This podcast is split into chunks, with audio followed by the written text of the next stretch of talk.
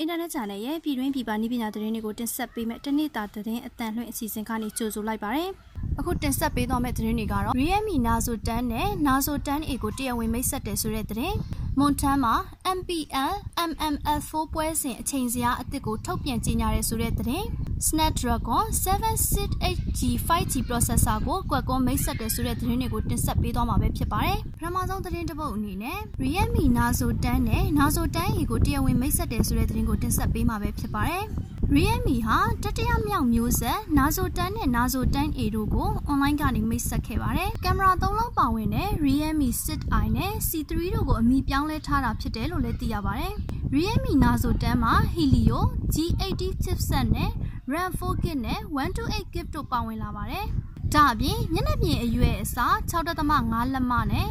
HD Plus ရုပ်ထွက်အရေးအသွေးရှိပါတယ်။ Water notch ထဲမှာ60 megapixel ကိုထည့်သွင်းထားပြီးတော့ကြောပတ်မှာကင်မရာလေးလုံးပါဝင်ကအဓိကကင်မရာက48 megapixel ဖြစ်ပါတယ်။ Nazo 10 phone မှာ battery 9000 mAh ထိပါဝင်ပြီးတော့ USB Type C ကနေတဆင့်အားသွင်းနိုင်က80 watt ချာဂျင်စနစ်လည်းပါဝင်လာတယ်လို့သိရပါတယ်။ Realme Nazo 10A ကတော့ပုံမဈေးသက်သာတဲ့ဖုန်းပဲဖြစ်ပါတယ်။ဖုန်းမှာ Helio G17 chipset ကို RAM 3GB နဲ့ 32GB တို့လည်းပါဝင်ပါတယ်။မျက်နှာပြင်ကတော့ Nazo 10နဲ့ပုံစံတူပြီးကြောပတ်မှာ12 megapixel wide 2 megapixel depth 2 megapixel micro camera ပါဝင်လာပါတယ်။ရှေ့ကင်မရာက5 megapixel aperture 2.4ကင်မရာဖြစ်ပြီးတော့ battery ကတော့9000 mAh ဖြစ်ပါတယ်။ Nazo 10A မှာတော့ micro USB ကိုအသုံးပြုထားပြီးတော့10 watt charging စနစ်ပါဝင်လာပါတယ်။အခြား feature တွေကတော့ကြောပတ်မှာ fingerprint scanner ပါဝင်လာသလို FM radio နဲ့ storage လည်းတိုးချဲ့နိုင်ပါတယ်။ Nazo 10နဲ့ Nazo 10A မှာ Android 10နဲ့ Realme UI ပါဝင်လာပါတယ်။ Nazo 10မှာအယောင်အနေနဲ့အဖြူနဲ့အစိမ်းရောင်ကို Nazo 10မှာအယောင်အနေနဲ့အဖြူနဲ့အစိမ်းရောင်ကို 158ဒေါ်လာနဲ့မေလ18ရက်မှာရောင်းချသွားမယ်လို့သိရပါတယ်။ Nazo တန်းရီကိုတော့မေလ22ရက်မှာ112ဒေါ်လာနဲ့ရောင်းချသွားမှာဖြစ်တယ်လို့လည်းသိရပါတယ်။နောက်ထပ်သတင်းတစ်ပုဒ်အနေနဲ့မွန်ထွန်းမှာ MPL MMS4 ပွဲစဉ်အချိန်စရာအသစ်ကိုထုတ်ပြန်ကြေညာရဲဆိုတဲ့သတင်းကိုတင်ဆက်ပေးမှာပဲဖြစ်ပါတယ်။ MPL MMS4 ပွဲစဉ်တွေကိုဧပြီလမှာ COVID-19 အကျက်အတဲကြောင့်နောက်ဆုတ်ခဲ့ရတော့လေယခုအခါမှာ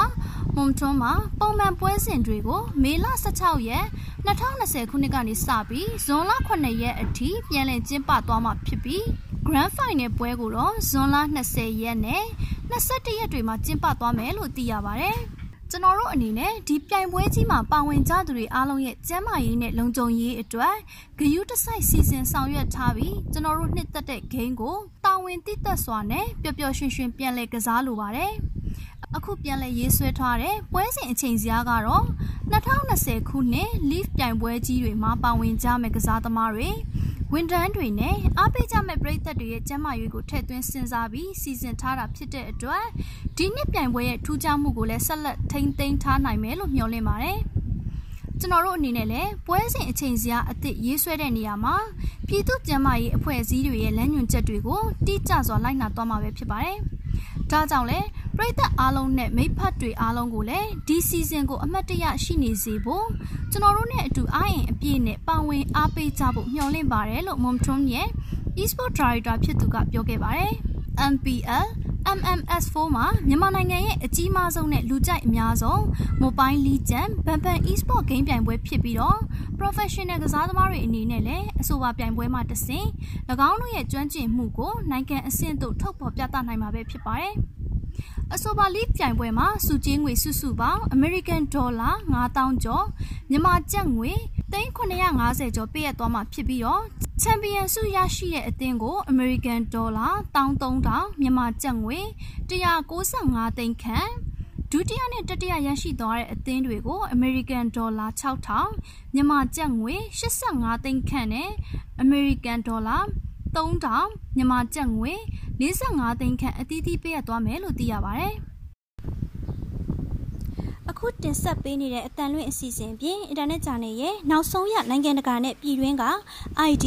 မိုဘိုင်းစားတဲ့နည်းပညာနဲ့ပတ်သက်တဲ့သတင်းတွေပညာရေးသတင်းတွေကိုလည်း IG Mini Newspaper ကနေ download လုပ်ပြီးဝင်ရောက်ဖတ်ရှုနိုင်မှာပဲဖြစ်ပါတယ်။ နောက်ဆုံးသတင်းတစ်ပုဒ်အနေနဲ့ Snapdragon 768G 5G processor ကိုကွက်ကွန်မိတ်ဆက်တယ်ဆိုတဲ့သတင်းကိုတင်ဆက်ပေးမှာပဲဖြစ်ပါတယ်။ကွက်ကွန်ရဲ့ Snapdragon 765 processor အသုံးပြုထားတဲ့ဖုန်းတွေစတင်ထွက်ပေါ်လာပါတယ်။ဒါပေမဲ့ကွက်ကွန်ကတော့အဆင့်မြင့်တင်ထားတဲ့ processor တစ်မျိုးကိုထပ်မံမိတ်ဆက်လိုက်ပါတယ်။မျိုးဆက်သစ် Snapdragon 768G ဟာ CPU နဲ့ GPU စွမ်းဆောင်ရည်တွေပုံမကောင်းမွန်လာပါတယ်။ဒီဇင်ဘာလအတွင်းကွက်ကွန်က 765G နဲ့အတူ Snapdragon 765နဲ့အထင်ကရ Snapdragon 865ကိုမိတ်ဆက်ခဲ့ပါတယ်။ 765 processor တို့က 5G modem ပေါင်းစပ်ထားတဲ့ chipset တွေဖြစ်ပါတယ်။765နဲ့ 765G ကွာခြားချက်ကတော့ Qualcomm Adreno 620 GPU ပါဝင်လာတာပဲဖြစ်ပါတယ်။ Snapdragon 765G ဟာ 765ထွက်စွမ်းဆောင်ရည်20ရာခိုင်နှုန်းပုံမမြင့်မားပါတယ်။ Snapdragon 768G မှာတော့ GPU စွမ်းဆောင်ရည်ကိုမြင့်မားအောင်ပြုလုပ်ထားတယ်လို့ Qualcomm ကပြောထားပါတယ်။ CPU ကိုလည်း2.4 GHz ကနေ2.8 GHz အထိစီးမြင့်တင်ထားတယ်လို့သိရပါတယ်။ Snapdragon 768G မှာတော့ Snapdragon 852 modem ပါဝင်ပြီး mmWave နဲ့ surf 6 GHz 5G ထောက်ပံ့မှုအပြင် 5G ကွန်ရက်တွေကိုလည်းအသုံးပြုနိုင်တယ်လို့သိရပါတယ်။အခုတင်ဆက်ပေးသွားတဲ့သတင်းတွေကတော့နိုင်ငံတကာနဲ့ပြည်တွင်းမှာရရှိထားတဲ့ဤပညာသတင်းတွေကိုအင်တာနက်ဂျာနယ်ကနေတင်ဆက်လိုက်တာပဲဖြစ်ပါတယ်။ခုလို COVID-19 ဖြစ်ပေါ်နေတဲ့ကာလမှာပြည်သက်တွေအနေနဲ့လည်းကျန်းမာရေးနဲ့အာကစားဝန်ကြီးဌာနရဲ့လမ်းညွှန်မှုတွေနဲ့အညီလိုက်နာဆောင်ရွက်ကနေထိုင်သွားလာဖို့တိုက်တွန်းလိုက်ပါတယ်။ကျွန်မကတော့ဝေမြင့်မှုပါ။